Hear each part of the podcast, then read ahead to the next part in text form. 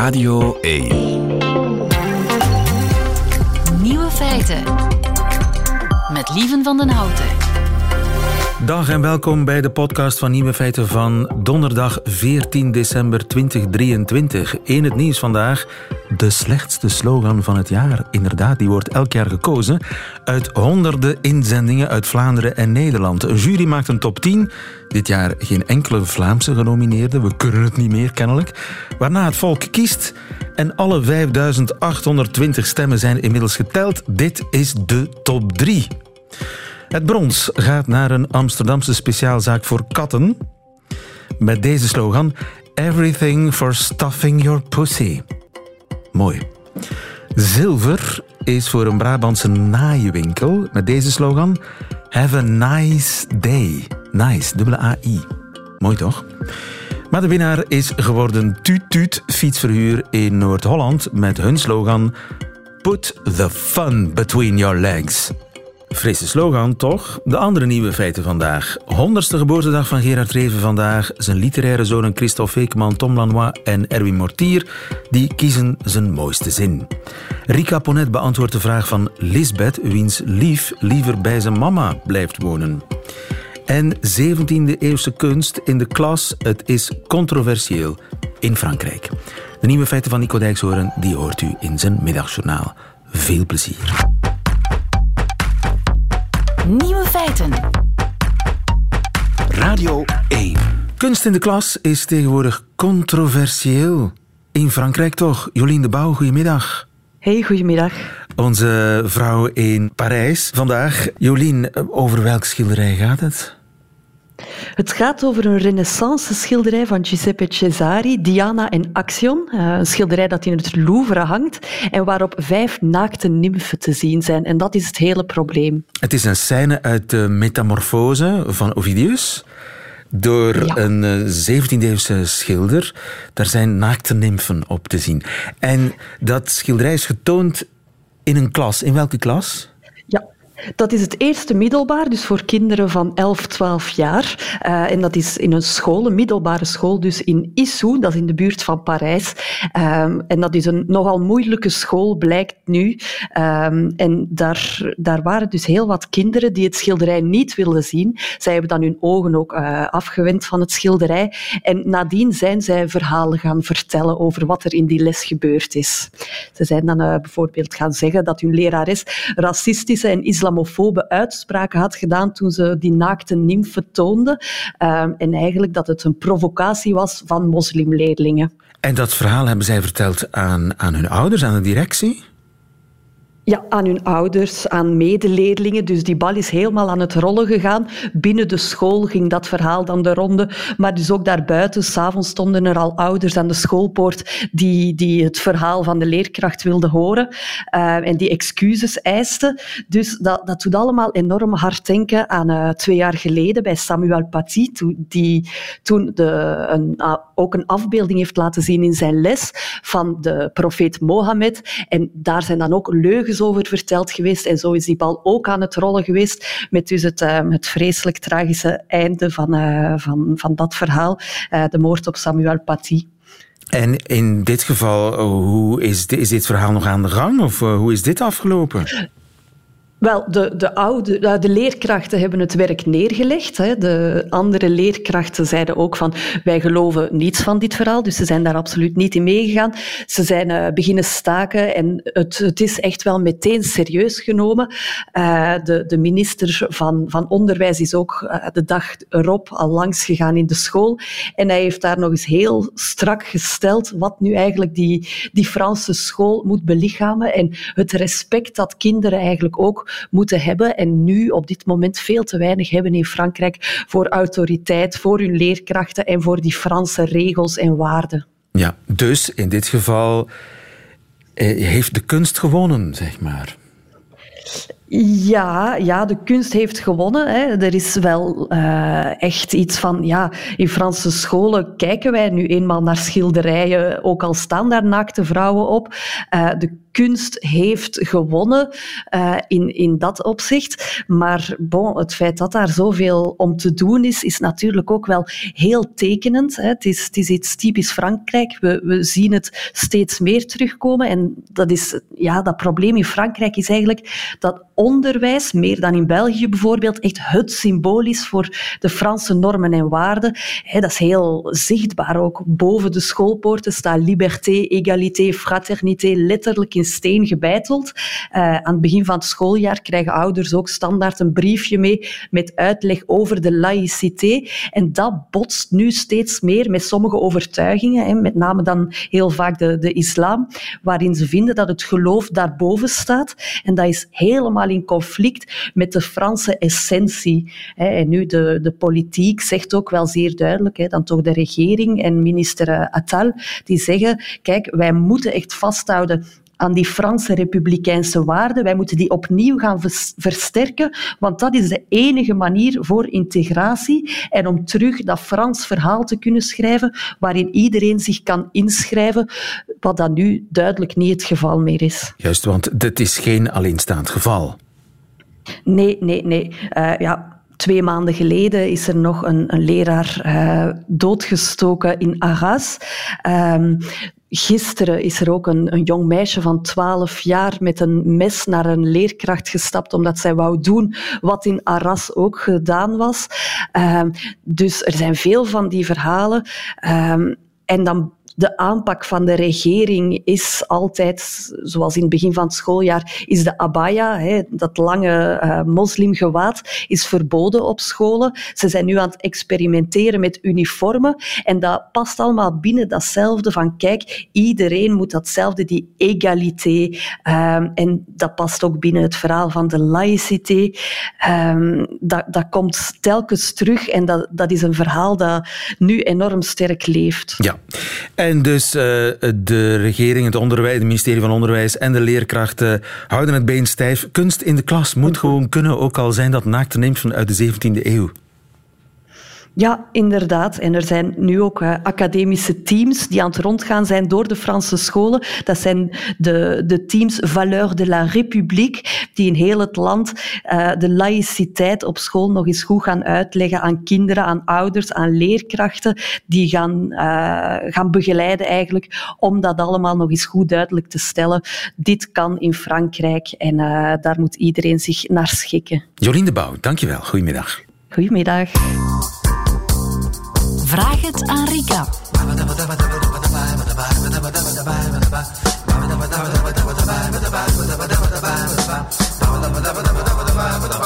En hier zit ze, Rika Ponet. Goedemiddag, Rika. Goedemiddag, lieve. Onze relatiedeskundige en, uh, ja, ik zou toevluchtsoord of troosteres der verdrukten. Oh. Een soort uh, heilige... Nee, geen heilige maagd natuurlijk, maar, maar toch uh, iemand die uh, vele mensen hun leven net iets minder complex maakt. En open staat voor al uw dilemma's. En een van die dilemma's komt van Lisbeth. Lisbeth schrijft: Ik ben einde twintig en heb al drie jaar een fijne relatie met Cedric, die ik leerde kennen via Tinder. Wij wonen vrij ver van elkaar. Ik alleen, hij nog bij zijn ouders. Nu vraag ik al ruim een jaar om samen te gaan wonen. We gingen ook al kijken naar verschillende huurhuizen en appartementen, maar telkens als iets er goed lijkt uit te zien, vindt hij toch nog argumenten om het niet te doen. Hij vindt de huur te hoog, of heeft het dan over hoe goed hij nu nog kan sparen voor later. Of vindt dat een huis niet praktisch genoeg is, er te weinig comfort is in een appartement enzovoort. Het lijkt wel alsof hij verwacht heel weinig te kunnen betalen voor een huis dat het comfort heeft van bij hem thuis. En dat is veel. Cedric heeft vermogende ouders, woont in een vleugel van de villa, allemaal gratis. De boodschap is wel dat hij als hij alleen gaat wonen, het voor hem is, wat ik heel normaal vind. Dat was ook bij mijn ouders zo. Moet ik harder doorduwen? Of hoe kan ik hem zover krijgen van toch de sprong te wagen? Met ons gezamenlijk loon komen er trouwens ruimschoots. Ik heb het ook gehad met het heen en weer rijden. Wil dat onze relatie evolueert. Maar hij lijkt alles goed te vinden zoals het is. Wat moet ik doen? Van, hoe heet ze? Sabine? Lisbeth, sorry, Lisbeth. Lisbeth, ja. Lisbeth. Lisbeth, Lisbeth. En Cedric, Cedric, Cedric. Ja. Wat ik denk, hij wil eigenlijk helemaal niet samenwonen. Eh, i- ja, ehm, is ook mijn gevoel. En dat is wat, Eh, hij ook, wat zij ook stiekem weet. Nee? Goh, eh, Hij is aan het uitkijken naar iets beters. Ik denk... Goh, dat weet ik nog niet eens. Ehm, ik denk dat eh, Cedric op dit moment het leven van een prins leidt. Ja, zal wel. Dat zeker. Hè? Villa, vleugel. Villa, vleugel, Gratis. gratis. Mama die allicht nog de wasplas kookpot doet. Een vriendin komt af en toe aan bezoek. En een vriendin die af en toe op bezoek komt en dan voor die behoeftes eh, er is. Ehm, Prima zo. Prima zo. Anderzijds, ja... ehm, Je wilt toch met je vriendin gaan samenwonen? Je wilt Ja. toch zelf iets nieuws beginnen? Toch? Eh, ja, Oh. eh, zeker. En ehm, het feit, allee, ik denk dat dat ook bij iedereen leeft, hè, het verlangen naar een vorm van autonomie. Hoe want, oud eh, is Cedric? Dat weten we niet natuurlijk. Eind, hè? de twintig. Ah ja, eind de twintig. Ja. Eind de twintig, 20. Cedric. Ja, eh, ja, maar ook die ouders, zeg. Ehm, want daar zit dan toch wel meestal het probleem. hè. Je krijgt dit wel ook vaker als vraag in de praktijk. Ehm, en op zich vind ik dat niet... eh, Daar wordt vaak heel devaluerend over gesproken ook. Over mensen die lang bij hun ouders blijven wonen. En ik wil ehm, dat toch ook even toelichten. Ik vind dat niet altijd een probleem. Het hangt er vooral van af op welke manier leef je nog samen met je ouders. Dat wordt bij ons in onze cultuur is het precies, ja, zodra je gaat werken moet je de deur uit en je moet alleen gaan wonen. En niet iedereen vindt dat erg fijn, alleen wonen. Sommige mensen vinden dat gewoon aangenaam van nog samen te leven. De- met ouders, met broers, met zussen, met vrienden, co-housen. ehm, en niet alleen Dat was vroeger eigenlijk heel normaal. Hè? dat je bij je ouders dat meerdere generaties bij elkaar bleven Ja. wonen op de een of andere manier. En dat, had, dat, dat zorgt emotioneel, gevoelsmatig, is dat, eh, heeft dat iets heel moois. En eh, werkt dat ook goed. Dus ik ehm, ga dat zeker niet problematiseren. Het punt is wel, op welke manier inderdaad leef je bij die ouders? Is dat als een kind van? Hè, want zo klinkt het hier. Hè, dat is de kleine prins die, ehm, die op alle mogelijke manieren, waar op alle mogelijke manieren eieren worden ondergelegd, eh, die wordt verzorgd, die gedraagt zich daar niet als een volwassene. Met ouders of met andere mensen, als volwassen man of als volwassen vrouw, dan lever je je fundamentele bijdrage dus aan jij zegt eigenlijk aan die ouders, vraag huur. Vraag huur, maar ook eh, Cedric, kookt Cedric een aantal keer per week? Zorgt hij voor zijn was? eh, of draagt hij bij in de klussen die er in een huishouden moeten gebeuren? Daar gaat dat eigenlijk over. Er wordt iemand behandeld als een, ehm, een, vol, een volwassen iemand in dat huishouden. En dat lijkt mij vandaag niet het geval. En dat is ook het grootste probleem. Niet zozeer, hij woont nog samen met zijn ouders, maar vooral, ehm, ja, die man is niet volwassen. een kind. Dat is een kind, ja, die zit nog veel te hard in die kind. Lisbeth, wil jij een kind? Ja, maar ja, het punt... eh, Ik denk dat Lisbeth een ultimatum gaat moeten stellen. En dat ze dat diep van binnen weet, maar dat ze dat eigenlijk niet durft. En waarom? Ehm, wat is belangrijk bij een ultimatum? Dat is dat je wat je als ultimatum stelt, Dat je het ook echt doet. dat je het ook echt doet, hè, lieven. Ah ja. Eh, dat wil zeggen, ik wil binnen zes maanden dat jij de beslissing neemt. En als Binnen zes maanden wonen we samen elders. Of hier stopt het Of voor hier mij. stopt het. Ja. En, en intrekken? Ook in die villa gaan? Ook in die vleugel gaan zitten? Is dat, is, zou dat een oplossing zijn? Je zegt net, ja, Oh. generaties bij elkaar wonen. Ja, eh, ik denk dat A dat... recipe for disaster. Ja, ik denk dat dat in dit geval niet zo'n goed idee is. Ja, ik denk dat eh, Cedric misschien zelfs wacht tot er een, eh, een huisplek naast zijn eh, moeder vrijkomt. Ja, zo, zo voelt het, dat wil je toch niet. Nee. Zo, zo begeleid ik ook koppels. Dat zijn rampen, echt waar. Ja. Dat Dus zijn- jij zegt ja, echt ultimatum stellen. Een ultimatum stellen. En, Dat is wel heel drastisch, hè? dat is drastisch. Maar ehm, ja, ik denk dat Lisbeth ook moet nadenken. Hoe komt het dat ik eigenlijk al drie jaar dit aan het proberen ben? Eh, zij zit zelf op dit moment ook in een wachtkamer. En dat ik toch ook niet voor mezelf opkom, voor wat ik echt wil in deze relatie. En ik denk ergens heeft het wel door hoor, eh, dat het tot dit zal komen. En stelt ze geen ultimatum, dan zal dit blijven aanmodderen ze, uh, ook haar tijd gaat voorbij. Hè. Zo zie ik dat dan. Van waarom blijf je in een wachtkamer, van de wachtkamer van het leven zitten en leef jezelf niet ten volle? Kies je ook niet voor jezelf, voor het leven dat jij wil leiden, wat duidelijk het leven is van een volwassen vrouw die een relatie heeft met een volwassen man Juist. en samen gaat nesten. Hè. En misschien zal dat ultimatum Cedric ook de juiste duw geven om ook eens een uh, volwassen ja, te worden. Ja, die duw geven uh, of dan of niet. Of niet, en dan weet je het. En uh, in alle andere gevallen weet je het na verloop van tijd ook, maar uh, wordt dat een, uh, een heel lang uitgesponnen verhaal waar je nadien alleen frustraties bij zal ervaren. Ja. Duidelijk, Lisbeth. Ik hoop dat we jou geholpen hebben. Zijn er nog knopen voor Rika? Die zijn welkom op nieuwe feiten uit radio1.be. Tot volgende week. Graag.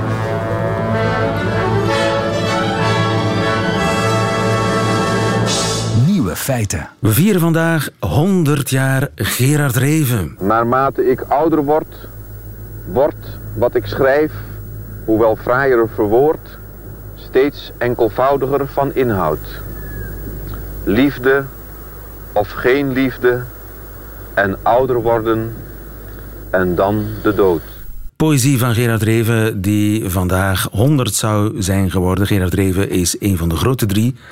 Naast Hermans en Mulisch van de naoorlogse literatuur in de laatste 10, 15 jaar van zijn leven woonde hij in Machelen bij Deinze. We eren de grote schrijver op zijn honderdste geboortedag met drie van zijn literaire zonen, Christophe Veekman, Erwin Mortier en Tom Lanois. Goedemiddag, heren. Goedemiddag. Ah, uit één keel, zo hoort het. Uh, Tom Lanois vanuit Kaapstad. Reviaan mag ik jou toch niet noemen, hè? want op het eerste zicht heb jij niet echt veel verwantschap met uh, de decadente romantische Reven? Uh, en en, en Herman Brusselmans dan wel, of zo. Ja. Maar, het is voor mij een latere ontdekking, alleszins. Ik ben pas later revangelist geworden. uh, want op het college natuurlijk, waar je dat zou verwachten, hè, toch een, een, pendant van Gerard Reven is Anton van Wilderode, van wie ik les kreeg. Maar die gaf heel veel goede literatuur, maar geen uh, Louis Paul Boon en geen Gerard Reven. Het was uh, een, een, aantal jaren al na het het ezelproces enzovoort. Dus dat, dat kwam er niet bij. Dus ik heb veel later ontdekt. En eigenlijk voor mij was niet de instap de avonden, maar nader tot u en op weg naar het einde. Die twee schitterende brievenboeken. Uh, maar ja, eigenlijk zou Herman Brusselmans hier ook bij moeten zitten. Hij was uh, vanaf het eerste uur een uh, grote fan. Jij bent een bekeerling, Christophe Vekeman, jij niet. Hè? Jij bent een prille... Ja, absoluut. Ik, ik spreek over het jaar 1987 en ik las in een magazine voor de schoolgaande jeugd dat de avonden, dat uh, bestond toen 40 jaar, dat was een boek over verveling. En dat vond ik buitengewoon wervend omschreven. Ik dacht, een boek over verveling, dat, dat is een kolfje naar mijn hand. Dus ik naar de dorpsbibliotheek, maar ze hadden de avonden niet. Ze hadden alleen de vierde man. Dat was althans het boek waarmee ik dan thuis kwam. En ik kan je zeggen, lieve, ik las de vierde man en in de loop van mijn lectuur uh, ja, begon mijn tweede lezersleven. En het is misschien zelfs niet echt overdreven om te zeggen dat ik in de loop van die lezing schrijver ben geworden. Want plotseling zag ik in dat de kwaliteit van een tekst volledig samenvalt met de kwaliteit van de taal. Dat de appreciatie die ik voor een boek voelde of kon voelen, dat die volledig afhankelijk was van mijn appreciatie van de stijl, de stem, de toon, de taal van die schrijver. En ik dacht, ja, als het zo zit, dan, dan, dan verwierf ik eigenlijk een inzicht in wat literatuur was en kon zijn en moest zijn. En ja, toen is het een levensveranderende absoluut, ervaring absoluut. in jouw geval. Ja. Erwin Mortier, uh, ja. was dat voor jou ook zo, een levensveranderende ervaring? Heeft jou dat ook tot schrijven aangezet? Wel, ik heb hem voor het eerst ontmoet in een zandbak van een vakantiepark in Kokzijde. Het klinkt heel vies wat je zegt, Erwin. ja, ik weet het heel bewust. Uh, 1977, dus ik was elf en in, dat was een heel regenachtige zomer en in die zandbak uh, waar ik zat te puberen uh, lag een verregende krant waarin een aankondiging van de verfilming van Lieve Jongens werd, werd geplaatst was. En uh, daar stond ook een foto in van twee mannen in bed, wat onmiddellijk mijn literaire belangstelling wekte. En zo ben ik, toen ik weer thuis was, naar de dorpsbiep gegaan en vroeg of ze iets van Gerard Reven hadden. En de bibliothecaris zei: uh, Ja, ik heb wel iets, uh, maar ik denk dat je daar misschien nog een beetje te jong voor bent. En toen heb ik gezegd, maar het is voor mijn vader. Ja, juist. en, uh, ik weet niet meer welk boek het precies was. Ik denk een van zijn brievenboeken, maar ik begreep er toen echt geen bal van. Het was zo'n zo'n tegenval. maar later is de liefde wel teruggekeerd. Tom, wat heeft jou dan uiteindelijk over de streep geholpen, jij als late bekeerling? Wel, wij waren geabonneerd op een boekenclub en die hadden dan de taal der liefde en lieve jongens. En ik, ik had nog niet die, die bekering, ik viel nog niet van mijn paard, laten we zeggen. Ik vond het eigenlijk saai en tegelijkertijd heel geil. Uh, maar het is pas eigenlijk nadat ik Brusselmans ontmoet had en die bleef dan maar ja, daarover doorgaan. En dan heb ik eigenlijk uh, ja, toch die, die brievenboeken en die deden het voor mij enorm. Uh, en van dan af, ik, ik, ik sluit mij toch een beetje aan bij Christophe dan. Op een bepaald moment ja, lees je het echt voor de stijl natuurlijk. Ik denk, ik ben wat dat betreft veel meer een, uh, iemand, de verhalen die ik nu hoor van uh, mijn twee confraters. Ik heb het met Hugo Claus gehad, met uh, de Oostakkerse gedichten. Dat was voor mij die, die ogenopener. En het is heel raar met Reven, die heeft zeer, een beetje zoals Elschot, die heeft zeer mooie gedichten geschreven, maar het is eigenlijk geen dichter. En het is iemand die, die volledig zelf heeft ook weinig toneel geschreven. Een briljante vertaling gemaakt van Who's Afraid, Afraid of Virginia Woolf, die nog altijd gebruikt wordt. Maar zelf, um, ik denk dat hij te weinig um, nou ja, verschillende stemmen in zich had, zoals Hugo Claus dat had. En, maar dan één overdonderende stem. En het is vooral die stijl die zo gevoed is met die Statenbijbel, terwijl hij dan tegelijkertijd katholiek is en daar ook van alles uit meeneemt. Um, en eens je in dat universum dan binnentreedt... Ja, dan ga je er nooit meer uit. Je geraakt er... Ja, je, of, ja, het is alleszins iets... Ik, ik ken niet één vergelijkbare auteur in binnen- of buitenland. Met als belangrijke nadeel dat het niet echt te vertalen valt.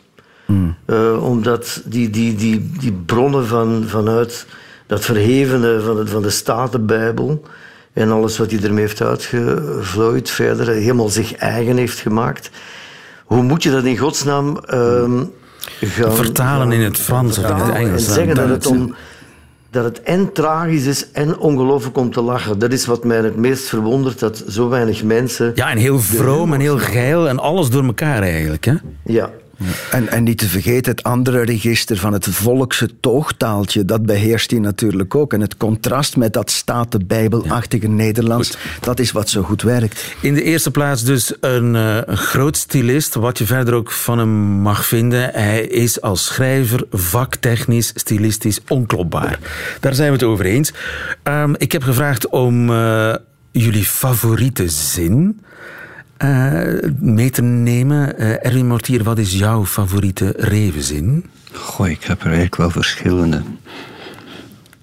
Ik vind uh, de avondenstad vol met geweldig goed gevonden, betere meligheid, vind ik. Zoals laten we ons nergens wat van aantrekken en op de gewone tijd gaan eten. Laten we ons nergens wat van aantrekken en op de gewone tijd gaan eten. Of van ander vind ik ook wel. Belangstelling is wel een van de beste eigenschappen van de mens, deze wonderbaarlijke aardbewoner. Alright, uh, heb, heb, je nog, heb je nog één die er echt uitspringt?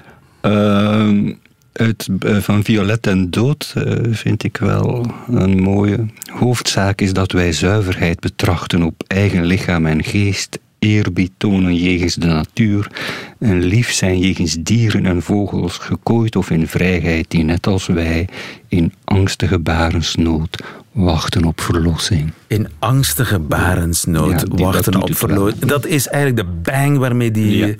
tirade wordt afgesloten. En dan voel je echt dat, dat uh, onmeetbare taalgevoel hè, van Reven. Uh, Christophe, heb jij een... Uh... Ja, mijn favoriete beginzin aller tijden uit de wereldliteratuur komt uit Lieve Jongens. Dat is Ik zweeg. Punt. Ja, punt. Ik zweeg. Om, punt. Als, als inleiding op een boek vol geouwe hoer waar Gods zegen op rust. Maar ik lees toch nog liever een iets weelderig georiënteerde zin uit Nader tot u voor. En ik doe dat omdat Reven voor zichzelf eigenlijk, zich, op het einde van zijn leven, keek hij terug en dan zei hij, ja, je kan over die man zeggen dit en je kan zeggen dat, maar vooral toch wat een grappenmaker was hij. En we zeggen, het is een groot stilist, maar het was ook een groot humorist. En te weinig wordt benadrukt hoezeer die twee kwaliteiten samenhangen. Want zoals timing heel belangrijk is op een podium voor een humorist, zo is taal heel belangrijk voor een humorist in de literatuur. En uh, dat uh, blijkt onder meer uit deze zin. De twee ongehuwde zusjes Pereira of Texera. Hun heilige gedachtenis zij in ieder geval geloof tot in eeuwigheid, die op of vlakbij het Jonas Daniel Meijerplein woonde, gaven hem vaak van hun eigen armoede te eten, stampot of linzen of kapucijners, mede door welke bijstand hij zijn naturalistische kunst kon blijven beoefenen, zijn dankbaarheid maskerend door te pogen de dames zo vaak mogelijk te choqueren of aan het schrikken te maken, zoals op een keer toen hij in hun huiskamer strijkbout en strijkplank gereed aantreffend, onder de uitroep even mijn lul opstrijken en hun geroep van nee, nee, niet doen, voor een uiting van jufferige preutsheid houdend, zijn roede tevoorschijn had gebracht op de plank had gelegd en er daarna krachtig de strijkbout op had gezet die echter gebleken was nog gloeiend heet te zijn. Even mijn lul opstrijken. ja. Uh, Tom, heb jij nog iets? Wel, ik heb ook ja, zoveel. Ik heb eigenlijk twee volledige bladzijden. En dat is al een... Uh, maar goed, uh, uit zelfschrijver worden, vooruitgang bestaat niet. En dat is maar goed ook, want zoals het is, is het al erg genoeg. Punt. Ik vind dat onbedaarlijk komisch. Ja. Jij bent nogthans een, een vooruitgangsoptimist en schrijver van geëngageerde boeken. Dat moet jou toch pijn doen aan je ziel, zo'n zin, nee? Uh, nee, dan denk ik één dat je niet al mijn werk gelezen hebt. Uh, dat is één. En twee, uh, ja, humor bestaat. misschien is er een misverstand. Het is de letterlijkheid die men overal ziet en het etiketteren wat men heeft. En dat na één scheve opmerking of verkeerd gemaakte of misplaatste grap, dat dan vervolgens uh, het hele werk van iemand moet uh, hmm. worden gecatalogiseerd en opzij gezet. Ik vond dat een geweldige. Vooruitgang bestaat niet en dat is maar goed ook, want zoals het is, is het al erg genoeg. ik vind en dat in een brochure hoe, hoe je zelf schrijver moet worden. Ja. ja, ik vind dit heel interessant, want Tom zegt, ik, ik, ik moet er heel erg om schateren, ik vind het hilarisch. En jij zegt, jij gaat er serieus op in. Maar voor mij is dat eigenlijk een fantastische zin, maar geen humoristische zin. En dan kom je inderdaad bij het wezenskenmerk van Gerard Reven. Die ironie die voortdurend de vraag stelt: in hoeverre bedoelt hij dit geestig? Dat niet te ontrafelen mysterie. Meent hij het of meent hij het niet? Meent hij het en meent hij het niet? En zo verder en zo voort. En dan kom je in dat spiegelpaleis van de ironie terecht. Wanneer je niet meer kunt zeggen van ja, dit, dit is om te lachen of dit is helemaal niet om te lachen. Want goed, je kan zeggen het is heel geestig geformuleerd, maar tezelfde tijd kan je niet om het feit heen dat Gerard Reven een heuse conservatief was, toch? Ja. Dat is zacht uitgedrukt. Ja. Maar tegelijk is het ook geen... het is geen catechismus, hè? Dus het wil ook niet zeggen, het is niet een geloofsartikel wat dan over het hele werk geldt. Het is mhm. op dat moment humeuren en temperamenten, een titel van... Uh, ja, columns van Gerrit Komrij. Het is ook dat. Het is tegelijkertijd iemand die dat, uh, ik denk, meent en tegelijkertijd zo neerschrijft dat het om te lachen is. Mhm. En dat de inhoud van de zin tegelijk draaglijker wordt. Zo beschouw ik het. En die dubbelheid, ja, die is toch alleen maar fantastisch. We verwachten toch niet van literatuur dat het dezelfde eenduidigheid heeft van handleidingen voor bijvoorbeeld strijkijzers. Of, nee, uh, nee want daarom is het literatuur natuurlijk. Mhm. Had jij nog iets, uh, iets leuks of iets favoriets? Ja, uit brieven aan een, van een aardappeleter. Ja. Zou ik ook tegen vergoeding van de gemaakte kosten iemand zijn huis gebombardeerd kunnen krijgen? Het is het huis van Teun de Vries, Egelantiersgracht 66, Amsterdam C, Jordaan. Een bovenhuis, dus het is wel precisiewerk, maar eronder woont Jan-Willem Hofstra. En die kan dus in één moeite meegenomen worden. Ja, dat is in een brief Ik denk ook niet dat hij dit echt meent en tegelijkertijd meent hij het heel erg. Ja, ja inderdaad. Dus ja, prachtig. of niet menen, dat is godzijdank hebben we die verplichting toch niet in de literatuur. Hè? Ja, ik vond eh, in een van zijn brieven... Nederlanders zijn een soort Duitsers die denken dat ze geen Duitsers zijn omdat ze melk drinken. Ik zou misschien toch nog e- één gedicht willen voor dat ik van buiten ken. Doe maar.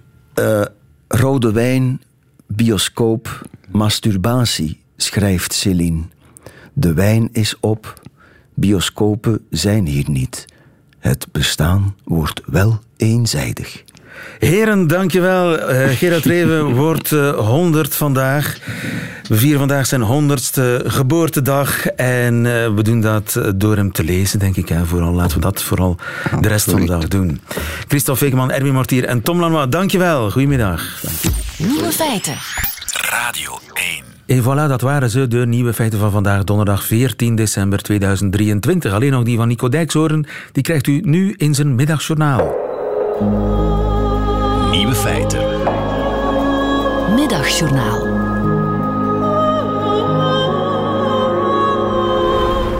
Beste luisteraars, vandaag is het precies 100 jaar geleden dat Gerard Reven werd geboren. En door dit prachtige programma gaat dat niet onopgemerkt voorbij. Toch voelt het als volgt. Een minuscule club grijshaards klaagt deze week steen en been dat Gerard Reven bijna is vergeten. En dat veel mensen hem alleen kennen als een racist, een aansteller, een schrijver met een langzaam instortend gebit. En uiteindelijk als die wat vreemd met zijn mond trekkende man die langzaam zijn grip op de werkelijkheid begon te verliezen. Dat zal allemaal wel. Céline was een aperte fascist en toch de grootste schrijver die ooit heeft geleefd. Gerard Reven zei krankzinnige dingen over niet-witte mensen en schreef toch verschillende boeken en brieven die richting hebben gegeven aan mijn leven. Hij leerde mij hoe ironie de boel op kan schudden. Inmiddels is ironisch schrijven een levensgevaarlijke bezigheid.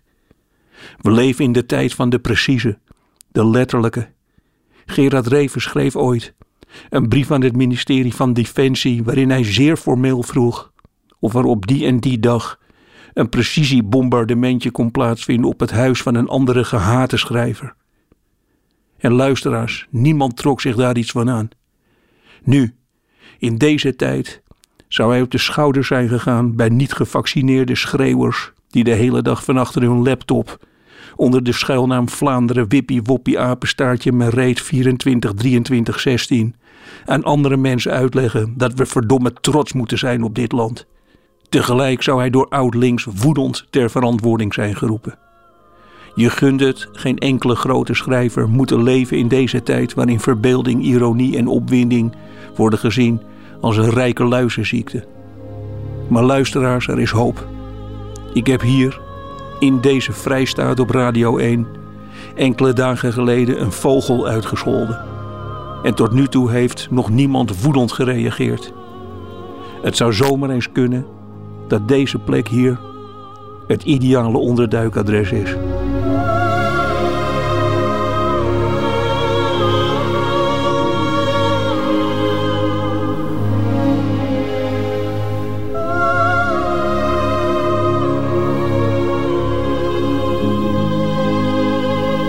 Middagjournaal van en met Nico Dijkshoorn. Einde van deze podcast. Hoort u liever de volledige nieuwe feiten met de muziek erbij? Dat kan natuurlijk ook live op Radio 1 elke werkdag tussen 12 en 1. Of on demand in de app van VRT Max. Tot de volgende keer.